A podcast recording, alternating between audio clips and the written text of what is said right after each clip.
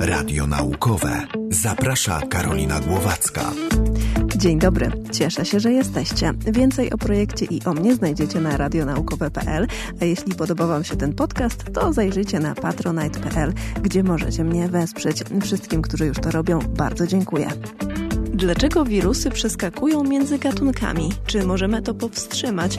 Dlaczego patogeny są pato? Czyli czy nie moglibyśmy wszyscy żyć w zgodzie? W Radiu Naukowym o ewolucyjnym wyścigu zbrojeń i naszej ludzkiej w tym wyścigu pozycji. Odcinek 24. Zaczynamy. Ladies and gentlemen, This discovery has taken a long time. we have detected gravitational waves. This year's prize is about rewriting the code of life. My body is very limited.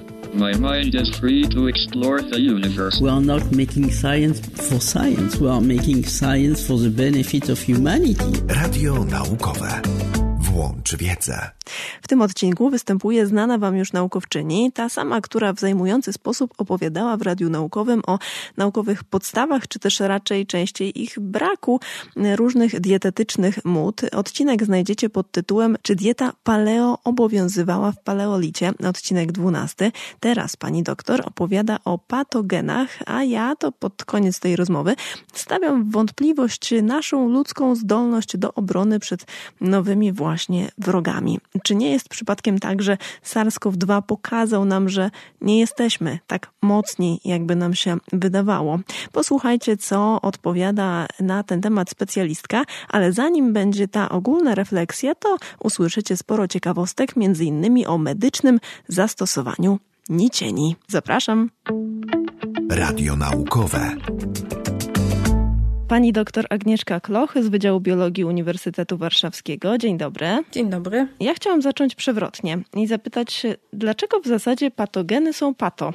To znaczy, dlaczego wywołują choroby? Bo przecież w nas żyje mnóstwo mikroorganizmów, z którymi współpracujemy, więc czemu nie możemy tak spokojnie i pokojowo egzystować wszyscy? Tu mnie pani zaskoczyła, muszę przyznać, bo e, dlaczego pato są pato? Znaczy, z punktu widzenia ekologii, ja tam jestem gdzieś po środku pomiędzy ekologią a biologią ewolucyjną. Patogen jest e, trochę takim określeniem funkcjonalnym, tak jak wśród roślin mówimy o chwastach i co to jest chwast? Mhm. Chwast to jest roślina, której nie chcemy. No i tutaj chyba z takich przyczyn, żeby sobie jakoś e, te dziedziny poklasyfikować, wyróżniamy mikroorganizmy patogenne, bo te na przykład mają, e, są interesujące medycznie czy też ważne i całe mnóstwo, mil, miliony gatunków e, mikroorganizmów, które żyją obok nas, na nas y, i którymi tak naprawdę poza specjalistami nikt nie zawraca sobie głowy, ponieważ one są czy może wydają się nam neutralne, tak, bo to, czy one naprawdę są neutralne, czy mają znaczenie, to jest e, zupełnie inna historia. I e, w pewnym sensie podobnie jest w naszym organizmie, to znaczy są mikroorganizmy, które mieszkają na nas i w nas i Pewne gatunki y, mogą koegzystować z nami pokojowo, przy czym tutaj ta kwestia pokojowości to znowu jest taki antropocentryzm, bo y, tak naprawdę każdemu chodzi o to, żeby O żeby siebie. przeżyć o siebie, tak. I to, że akurat tak się zdarza, że my jesteśmy środowiskiem życia kogo innego, e, no to tego kogo innego, czyli, czyli naszych bakterii, to nie interesuje tak samo jak bardzo długo nas ludzi nie do końca interesował stan środowiska, w którym żyjemy, tylko żeśmy to środowisko sobie przekształcali tak, żeby dla nas było najlepsze. Ja sobie zresztą wymyśliłam, że my jesteśmy takim patogenem dla Ziemi. No ale znowu patogeny, znaczy określenie patogen z jednej strony jest takie powiedzmy klasyfikujące, żeby tam, y, jeśli mówimy o jakichś aplikacjach, ale z drugiej strony jest wartościujące, tak? Natomiast y, no, ekologicznie pasożytnictwo jest trybem życia. Pasożytnictwo według definicji to jest taki, taki organizm, który realizuje swoje potrzeby życiowe kosztem y, innego organizmu, czyli korzysta z jego zasobów, ale ta granica pomiędzy pasożytnictwem a czymś, co nazywamy komensalizmem, czyli można powiedzieć tak popularnie taką pokojową, w cudzysłowie, e, koegzystencją, jest płynna i właśnie tutaj zaczęłam mówić o wielu gatunkach bakterii, które na przykład mieszkają w naszym przewodzie pokarmowym albo mieszkają na skórze i nic się nie dzieje, natomiast kiedy organizm jest osłabiony albo kiedy na przykład ta bakteria, taka jak Escherichia coli, która mieszka w przewodzie pokarmowym, trafi w jakieś inne miejsce, na przykład do krwi, no to wtedy jest y, bardzo źle. No i teraz pytanie, czy ona jest patogenna, czy nie. Nie jest to jej podstawowy sposób na życie, bo oczywiście mamy takie organizmy, które właśnie w ten sposób żyją, że swoje potrzeby życiowe, czyli tak naprawdę, naprawdę rozmnażanie realizują, korzystając, no wykorzystując inne organizmy. Natomiast czy taka Escherichia coli jest patogenem, czy nie? No to jest takie pytanie w pewnym sensie filozoficzne, tak? Zależy jak na to spojrzymy. To zależy w którym ono jest miejscu człowieka, tak? Jeżeli konkretnie mówimy o, o człowieku i o jego patogenach. Idąc dalej, osoby, które mają upośledzony układ odpornościowy, na przykład chore na AIDS, dla nich patogenem mogą być takie organizmy, które są dla wszystkich innych zdrowych ludzi oportunistyczne, czyli nie wywołują infekcji. Tak? Mając AIDS można umrzeć na zarażenie e, bakterią, którą normalny, zdrowy układ odpornościowy pozbywa jej się tam w mgnieniu oka. Tak? Czy wiemy, kiedy się to zaczęło? Kiedy jedne organizmy zaczęły sobie na drugich bytować i wykorzystywać Myślę, że są ludzie, którzy się tym zajmują. Ja tego nie wiem, nie odpowiem tak y, od razu, ale pasożytnictwo jest, y, znaczy pasożytnictwo w takim sensie ekologicznym, czyli bo mówiąc o pasożytach, zwykle myślimy o jakichś tam tasiemcach, ale ekologicznie pasożytnictwo, czyli życie kosztem kogoś innego y, jest, znaczy bakterie i wirusy też są ekologicznym sensie pasożytami. I no, taki pomysł na życie jest bardzo stary, nie, nie potrafię go wydatować. Natomiast y, to, co jest ciekawe, y, kiedyś czytałam o, o takich badaniach, gdzie stworzono takie sztuczne organizmy w komputerze i puszczono, można powiedzieć, ewolucję, to znaczy one miały ze sobą konkurować. I okazało się, że taki sposób, żeby się uprościć i na przykład rozmnażać, y, korzystając, nie wiem, z jakichś tam mechanizmów rozmnażania innych organizmów, bardzo szybko wyewoluował. Czyli no jest to taki sposób na życie, który jest y, bardzo rozpowszechniony i też można powiedzieć, że jest presja ewolucyjna na bycie pasożytem. To znaczy, że te organizmy y, w określonych okolicznościach y, odnoszą sukces ewolucyjny, można tak powiedzieć. Ale też nie zawsze łatwo jest być patogenem, bo e, jak usłyszałam na Pani wykładzie, e, aż mi się zrobiło żal tych patogenów, bo siedzi sobie taki patogen w jednym organizmie, jego kolega i koleżanka jest w jakimś innym organizmie, no żadnego kontaktu między nimi nie ma. Znaczy to wszystko zależy o jakich patogenach mówimy. Mi się wydaje, że trudno jest wrzucać do jednego worka takie organizmy wielokomórkowe jak nisienie, tasiemce i przywry, które mają swoją drogą bardzo bardzo skomplikowane czasami y, cykle życiowe. U przywr tych żywicieli pośrednich jest kilka, tam jest jeszcze stadium wolnożyjące. Te organizmy, one y, żyją y, długo, Medycznie chcielibyśmy się ich pozbyć jak najszybciej i one oczywiście są też problemem społecznym i w krajach trzeciego świata na przykład choroby pasożytnicze są jedną z chyba trzecią przyczyną śmiertelności wśród dzieci. Coś, co się u nas leczy po prostu kilkoma tabletkami, tak? To jest poważny taki problem społeczny.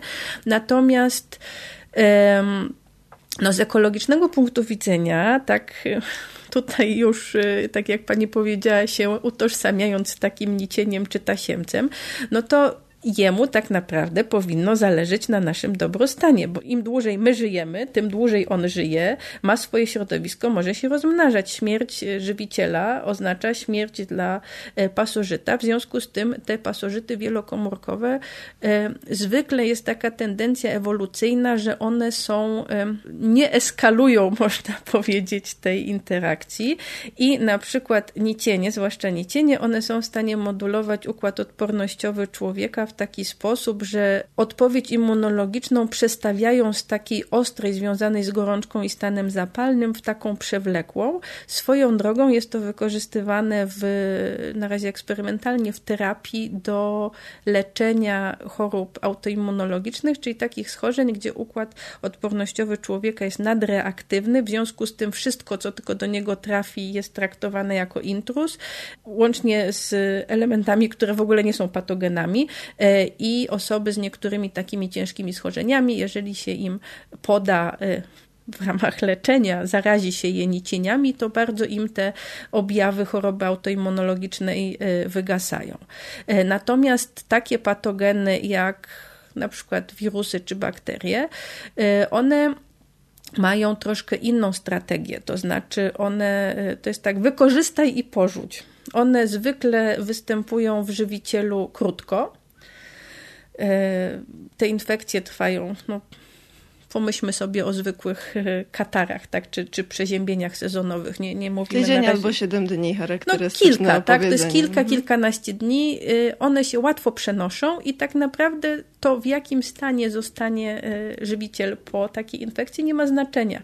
I tutaj strategia będzie raczej taka, żeby jak najszybciej się przenosić swoją drogą.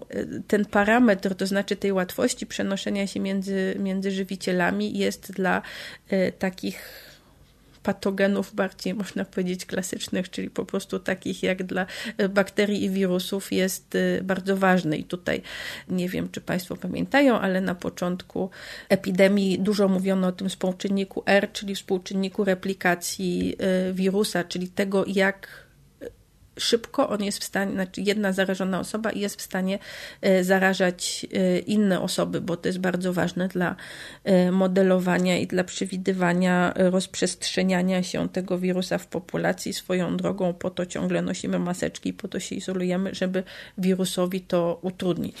Ale to jest bardzo interesujące, bo taki wirus musi, czy bakteria, dobrze, że tak powiem, wycyrklować. Znaczy nie może być zbyt zjadliwy i zbyt dla nas niebezpieczny, bo owszem, dla niego żyje krótko i intensywnie, można by powiedzieć, ale jednak jeśli będzie za bardzo niebezpieczny, to nie zdążymy zarazić innych. Więc to jest trochę taka, e, no trzeba to, ważyć interesy. Tak, to się nazywa w biologii ewolucyjnej trade-offem, czyli kompromisem, przy czym słowo kompromis tutaj nie do końca pasuje, bo kompromis ustala, że gdzieś się spotykamy, w, znaczy zakłada, że się spotykamy gdzieś w pół drogi. Tutaj raczej e, ten trade-off to jest takie coś za coś, tak? Czyli większość większość naszych y, y, historii życiowych, czyli tego, co realizujemy w życiu, jest ograniczona w ten sposób. I studentom na wykładzie mówię, mówię tak, tutaj taka lekka dygresja, że doba ma 24 godziny, więc zasób jest ograniczony, natomiast student chce albo chciał, zanim się zrobił lockdown,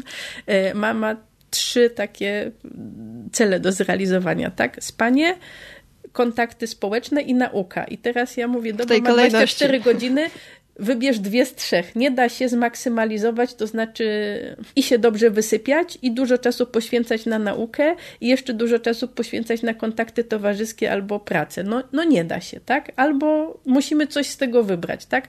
Inwestycja w jeden element powoduje, że mamy mniej czasu e, na inne elementy. I tutaj też mamy e, różne strategie, to znaczy funkcjonowanie czy, czy, czy ewolucja większości organizmów też jest takimi elementami e, ograniczona. To znaczy, jeśli na przykład inwestujemy w opiekę rodzicielską, to nie możemy tych dzieci mieć tysiąc, możemy mieć kilkoro dzieci. Jeżeli inwestujemy w ilość, no to ryby na przykład, które mają tam tego na rybka nie wiem ile ich tam jest, no nie mogą się nimi Pająki, opiekować. mama pająk ma tam Albo pająki, tak? Czyli że jest pajączków. albo idziemy na ilość, albo idziemy na jakość. I trochę tak samo jest z patogenami, czyli mamy takie, które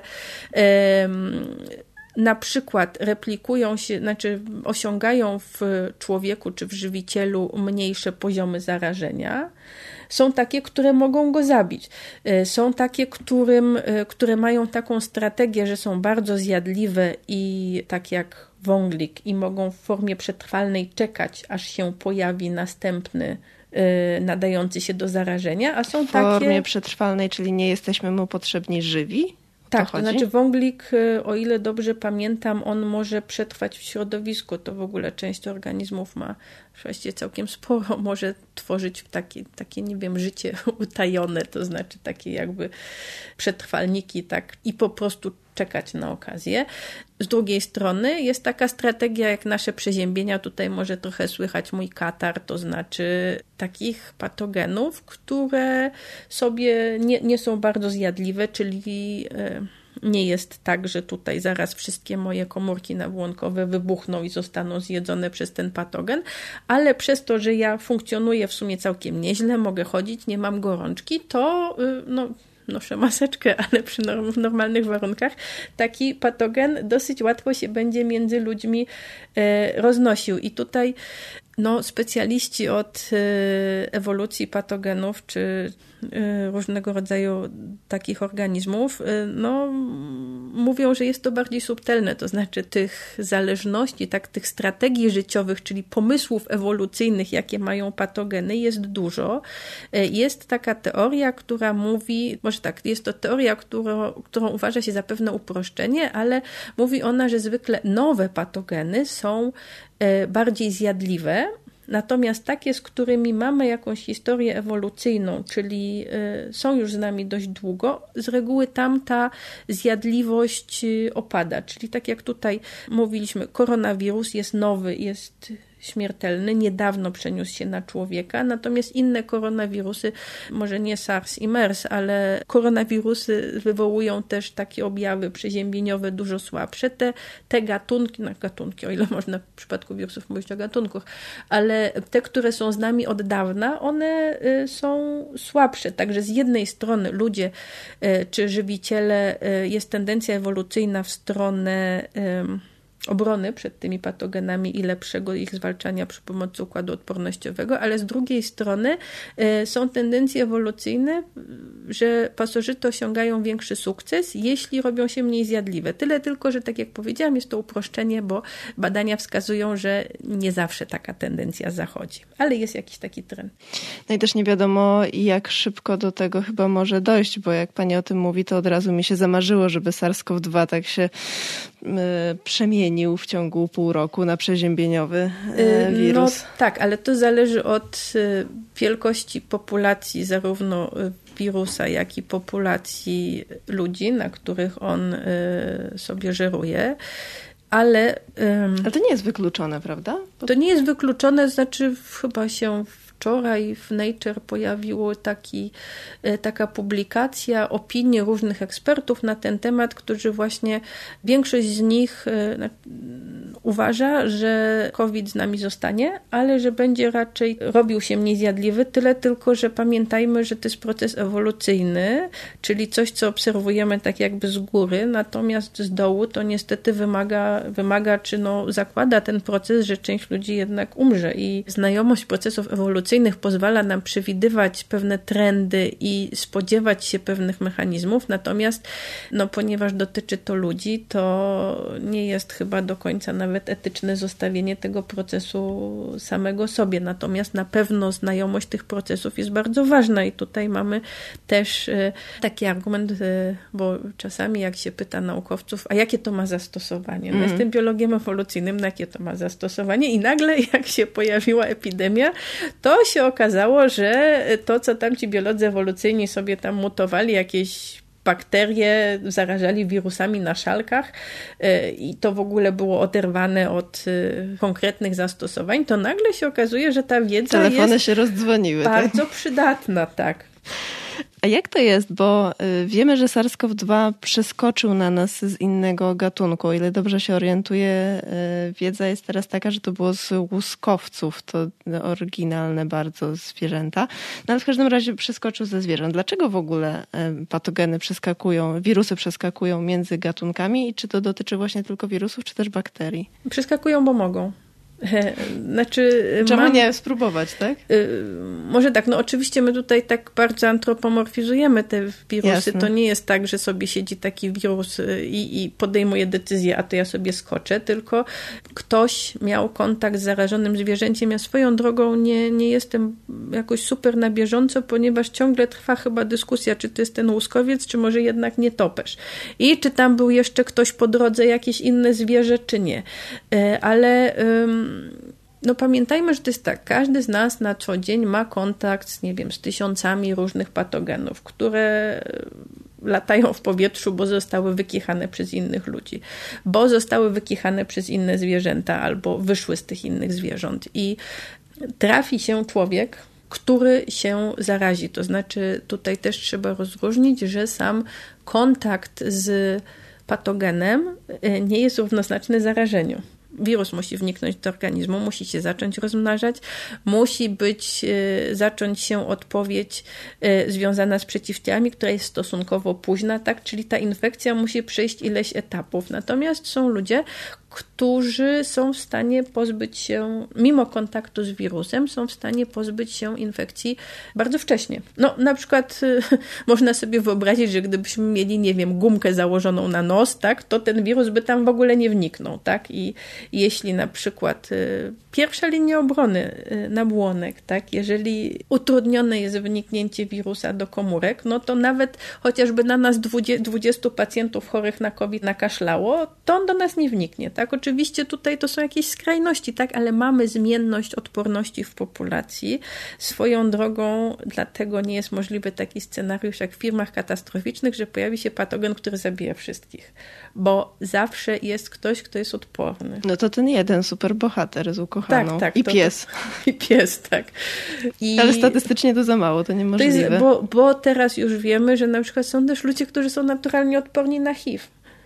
Po prostu mają takie zabezpieczenia w organizmie, tak mają skonstruowany układ odpornościowy. To oczywiście chodzi o jakieś tam, nie to, że mają zupełnie inny niż cała reszta, ale mają pewne warianty tak, w tym układzie odpornościowym, który, e, które e, powodują, że, ich, e, że są w stanie zniszczyć infekcję. Tak. A inni znowu są bardzo wrażliwi. a inni są bardzo wrażliwi. To zależy na przykład od tego, jakie mamy, jak działają takie elementy układu odpornościowego, które rozpoznają patogeny. Ja kiedyś o tym mówiłam na innym wykładzie popularnym, ale odporność jest takim mechanizmem wielostopniowym. To jest trochę tak, jak mamy restrykcję e, dostępu tak, do jakichś tam chronionych obiektów, czyli mamy płotek, przez płotek można przeskoczyć, ale na przykład nasza skóra jest takim płotem, czyli barierą, która jest prosta, ale bardzo skutecznie chroni większość intruzów. To nie jest tak, że od razu mamy strażnika z karabinem, który do wszystkich strzela. Mamy pewne mechanizmy, które rozpoznają, to się mówi, takie ogólne wzorce patogenów, na przykład bakterie mają e, specyficzne struktury e, ściany komórkowej, których nie ma w innych, e, znaczy których nie ma w komórkach ssaków po prostu. I jeżeli coś takiego się pojawi w organizmie, no to wiadomo, że musiał być jakiś intruz, tak? W związku z tym zaczyna się reakcja odpornościowa, a są takie bardzo subtelne mechanizmy związane e, z przeciwciałami, z rozpoznawaniem tam już bardziej szczegółowym, gdzie na przykład wiemy, to, to jest trochę tak, jakbyśmy mieli rysopis tego, e, tej osoby, której szukamy, czyli że kiedyś na wykładzie tłumaczyłam to w ten sposób, że te mechani- mechanizmy prostsze mają takie, na przykład taką zasadę, że generalnie podejrzani są wszyscy ludzie w, w nakryciach głowy, więc wszystkich nich lepiej wyrzucić za, za drzwi.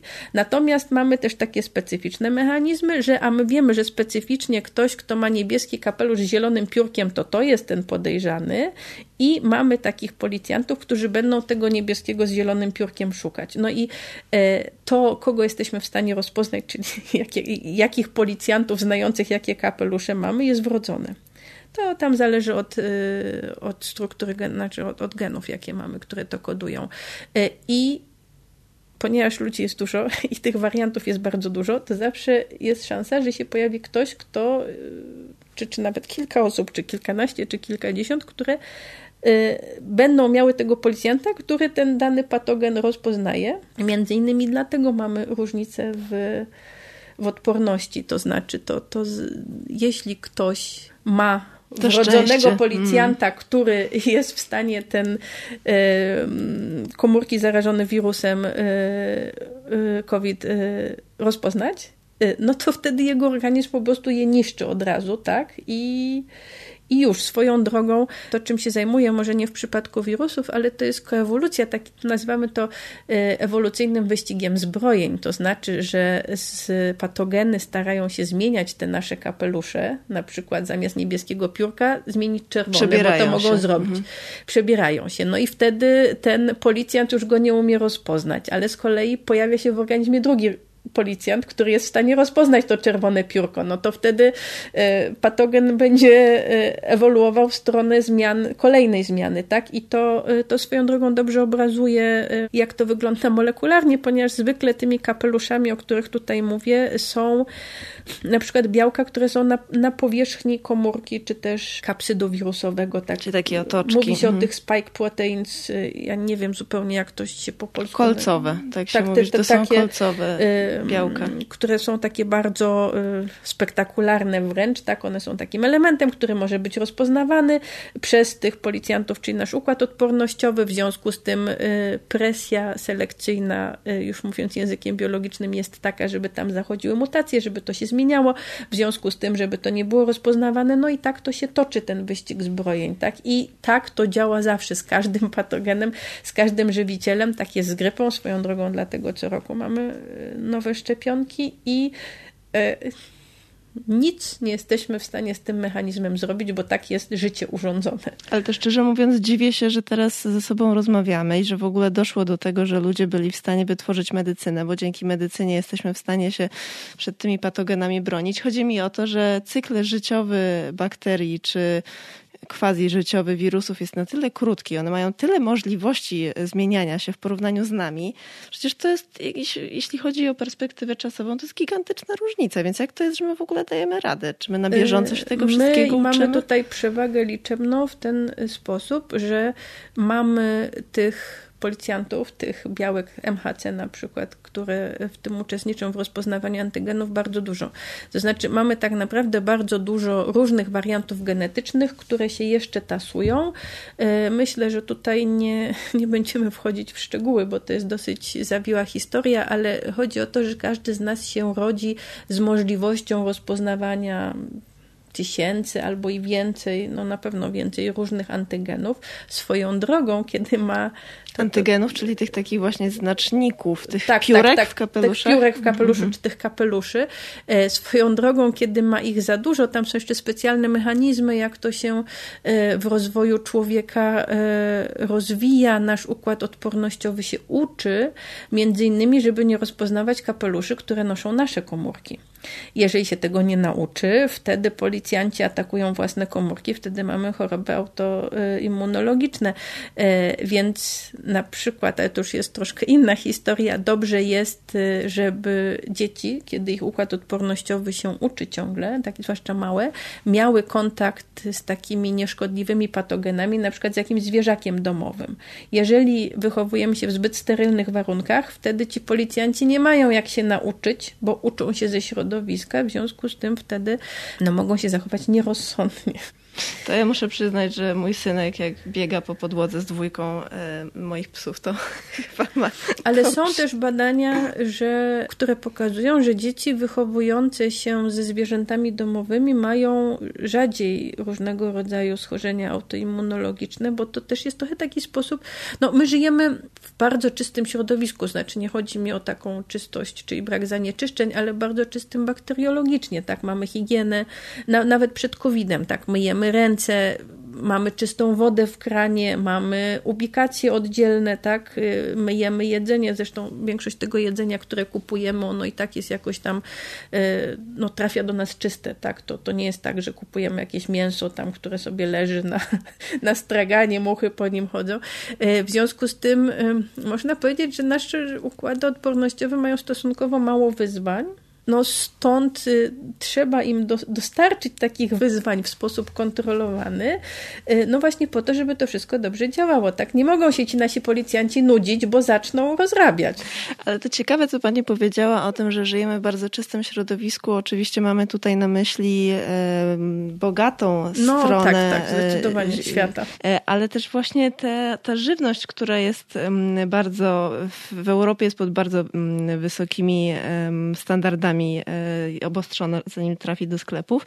No ale właśnie, tak się mówiło, że te targi mięsne właśnie gdzieś tam w Azji e, dalekiej, że to one mogą być rezerwuarami tych dziwnych wirusów, ale też dowiedziałam się e, od pani, że to przez jedzenie szympansów wirus HIV trafił Tak, do to chyba były populacji. szympansy. Że, swoją drogą to też nawiązuje do wcześniejszego pytania, tak, że ten wirus funkcjonował wśród małp dość długo i zdarzyło się tak, że w końcu e, pojawił się podatny człowiek, który też e, na przykład się przemieszczał, tak, że on był w stanie to przenieść e, dalej. To tam jest dość dokładnie opisane. To, to się działo kilkadziesiąt lat przed rozprzestrzenieniem się wirusa po świecie.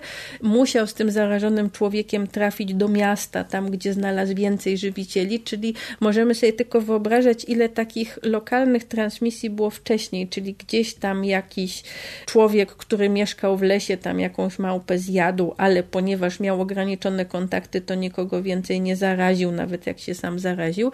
Musiało dojść do takiego e, no, dobrej możliwości przeskoczenia swoją drogą to, że się ruszamy, bo jesteśmy strasznie mobilnym gatunkiem, bardzo patogenom sprzyja.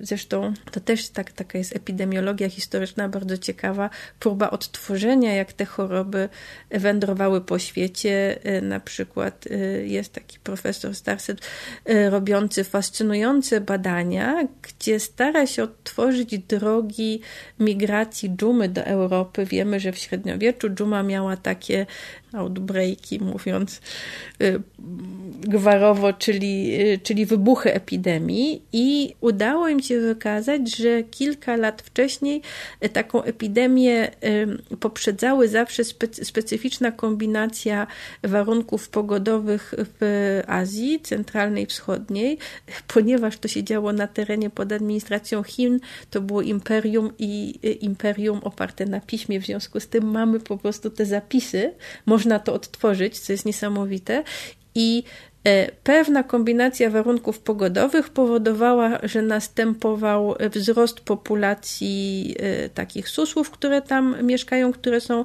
endemicznym e, żywicielem dżumy. Ta dżuma w pewnym momencie, e, ponieważ tych susłów robiło się więcej, no to więcej też było pcheł, które na nich żyją, tak, i w pewnym momencie, e, czyli jakby musiał być taki początek związany z, można powiedzieć, ze wzmożeniem aktywności tego patogenu w naturalnym, czy, czy wśród pierwotnych żywicieli.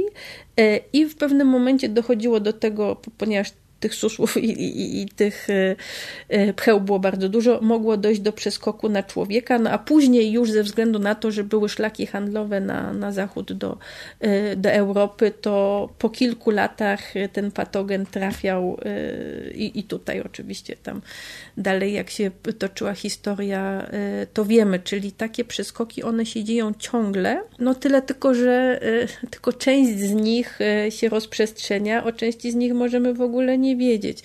E, Z drugiej strony są też takie patogeny, które się w ogóle w pewnym sensie nie przyjmują specyficznością gatunkową, na przykład borelia.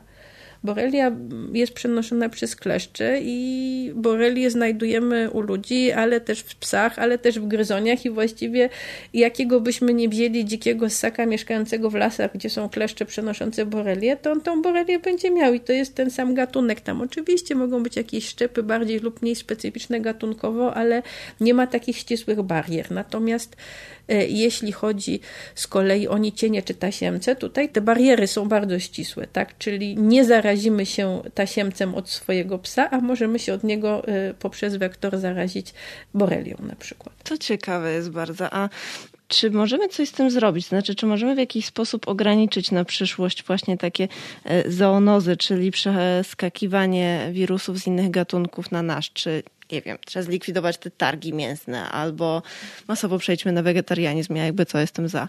E, albo, no nie wiem, czy jesteśmy coś w stanie zrobić, bo z tej naszej perspektywy siedzimy sobie teraz w nowoczesnym budynku w centrum miasta, jest właśnie czyściutko, jak pani mówi, to nam się wydaje, że ta ludzkość się od przyrody odcięła, a tak przecież nie jest do końca. Ale to jest to... tylko w wycineczku. Ale nam się wydaje, że jesteśmy odcięci od przyrody. Gdyby tutaj postawić szalkę, tak, to na niej na pewno by coś wyrosło. Poczekać Chociażby chwilę, tak. Mamy klimatyzację, w której y, rosną sobie mikroorganizmy, jak chcą swoją drogą. Koleżanka mykolog kiedyś mi powiedziała, że są na przykład grzyby, które się wyspecjalizowały i rosną w zbiornikach paliwa lotniczego. No to już bardziej absurdalnego e, miejsca do życia y, trudno sobie wymyślić. I e, ja tutaj wcześniej mówiłam, że jest takie pojęcie ewolucyjnego wyścigu zbrojeń. I nic nie jesteśmy w stanie zrobić, ponieważ to tak działa. To znaczy, im bardziej z jednej strony próbujemy zamknąć jakąś drogę, tym bardziej e, będzie presja na to, żeby tą drogę obejść. I oczywiście w krótkim zasięgu czasowym. Tak, zamknięcie tych targów coś ograniczy, ale nie jesteśmy w stanie, znaczy nie ma życia bez patogenów, tak? I no jest utopijne tak, takie myślenie, że, że uda nam się kiedyś tego pozbyć. Mamy medycynę, ale na przykład y, poprzez to, że stosujemy dużo antybiotyków, wiele bakterii wyewoluowało antybiotykoodporność i y, no, w pewnym sensie sami sobie strzeliliśmy w stopę, tak, bo, bo straciliśmy nasze narzędzie do walki i y, no tak to działa, ewolucyjny wyścig zbrojeń, tak, każda strona stara się dopiąć swego i może być tak, że przez pewien czas jedna strona jest górą, tak, tak, tak, tak sobie to powiedzmy obrazowo, ale e, no, to nie jest stan, który będzie trwały, chociaż oczywiście z punktu widzenia określonych, znaczy konkretnych ludzi i konkretnych społeczności, no to trzeba dokładać wszelkich starań. Jest faktem zdecydowanie, że postępy higieny czy, czy medycyny, no Przedłużyły, przede wszystkim. Tak, mhm. przedłużyły długość życia i jakość życia. To, że mamy szczepionki, to jest wielkie błogosławieństwo swoją drogą. E, no, szczepionka to jest taki mechanizm, na który ciężko by było wyewoluować odporność. Dużo lepszy niż leczenie się po fakcie antybiotykami, tak. Czyli te szczepionki mogą być naszą taką super tajną bronią, przed, nawet nie tajną, ale no, bardzo tą skuteczną to znaczy, bronią tak, przeciw patogenom. Bo szczepionka, co to jest szczepionka? To jest po prostu yy, naturalne pobudzenie naszej do, do organizmu tych kapeluszy, o których mówiłam, tego konkretnego kapelusza patogenu, ale bez złoczyńcy, który ten kapelusz ma na sobie, tak? Czyli policjanci mogą się nauczyć rozpoznawać kapelusz bez, yy, natomiast nie ma szkodliwego działania tego właściciela kapelusza z tym związanego. Oczywiście ten kapelusz może się zmienić, e, no ale może tak, to tutaj znowu nie, ja... tempo tych zmian ewolucyjnych jest różne, tak? Grypa, wiemy, ona mutuje szybko, to, to też zależy od wielu innych rzeczy, to znaczy jak szybka jest ta presja na zmianę, tak? To tutaj mądre głowy i epidemiolodzy ewolucyjni się tym zajmują y, i chyba jeszcze nie mamy dobrej koncepcji, jak to może być w przypadku koronawirusa. Grypę znamy, bo, bo się znamy z nią od dawna. Y, tak na koniec naszła mnie refleksja niezbyt jakaś optymistyczna, y, że mm, po pierwsze antybiotykooporności jeszcze w Radiu Naukowym będziemy mówić, drodzy słuchacze i słuchaczki, także, y, także wrócimy do tego niepokojącego tematu, no ale właśnie mamy to ogromne wyzwanie, z którym na razie nie bardzo wiadomo, co możemy zrobić poza zapobieganiem, czyli ograniczeniem właśnie tego wylewu niemalże masowego antybiotyków do środowiska, więc mm, już są bakterie, z którymi nie radzimy sobie. Dwa, ten SARS-CoV-2 jakoś tak um, spowodował, że mam poczucie, że dobrze już było. To znaczy, że ten złoty wiek medycyny i tego, jak my sprawnie byliśmy w stanie poradzić sobie z różnymi patogenami, że być może to trochę mija, że, że my jesteśmy teraz u progu jakiejś nowej ery, w której y, dostaniemy bardzo poważnego przytyczka w nos od przyrody. Mm. Trudno powiedzieć, no trochę jest tak, że im bardziej napieramy w tym wyścigu, tym bardziej się powinniśmy spodziewać yy, silnej reakcji. Yy, ale znowu z drugiej strony proszę zwrócić uwagę, po roku mamy gotową szczepionkę. To jest nieprawdopodobnie szybko. To znaczy, cała nasza wiedza e, i medyczna, ale też biologiczna, na przykład mechanizmy związane z budową wirusów, z tego, jaki one mają materiał genetyczny, tak, e, inżynierii genetycznej, czyli wszystkie te badania, które być może nie miały konkretnego zastosowania przez wiele lat, nagle w ciągu roku umożliwiły stworzenie szczepionki. Wydaje mi się, że poprzednie szczepionki, nie wiem, ostatnią jakąś taką, które tworzono, żeby je opracować, to, to, to trwa jednak zdecydowanie Kilka dłużej. lat, tak. tak. Mhm. E, No tak, no ale oczywiście nie wiadomo, jak- presja, żeby tą szczepionkę stworzyć. tak. pieniądze, inne e, okoliczności i możliwości, ale z drugiej strony nie wiemy, na jak długo wystarcza ta odporność. E, Słyszymy już przypadki o osobach, które przechorowały COVID-19 i chorują jeszcze raz. Słyszymy o tych kolejnych wariantach. Póki co, z tego co się orientuję, to producenci szczepionek mówią, że wedle ich badań wychodzi na to, że te szczepionki, które oni produkują, będą działać na te nowe warianty, a jeśli nie, no to się oczywiście da wyprodukować nowe. Ale mimo wszystko mam poczucie, że to nie jest takie proste, że trochę nam się jakoś tak ta przyroda wdarła w naszą No cywilizację. Nie, znaczy nie, tak było zawsze, tak, tak, tak jest, tak, że są patogeny, zawsze mamy patogeny, ale też pamiętajmy, e, że tutaj trudno jest udzielić takiej jednoznacznej odpowiedzi, bo się, tak jak mówiłam, różnimy. To znaczy, zawsze będą tacy, którzy mimo szczepionek i wszystkich o, ostrożności będą w kółko chorować, bo są tak skonstruowani, to znaczy taki mają układ odpornościowy. I są tacy, co będą chodzić bez maseczki, pracować w szpitalu covidowym i nic ich nie ruszy. I zawsze mamy tą zmienność, to znaczy Czyli na starcie, jakiego byśmy nie wzięli patogenu, zawsze ludzie się będą różnić wrażliwością na ten patogen. Problem jest taki, że nigdy tego nie wiemy a priori. To się dopiero okazuje po fakcie. I to na przykład, jak szybko wirus mutuje, też się okaże po fakcie. Nie jesteśmy, znaczy możemy sobie coś tam prognozować na podstawie innych badań, ale życie jest.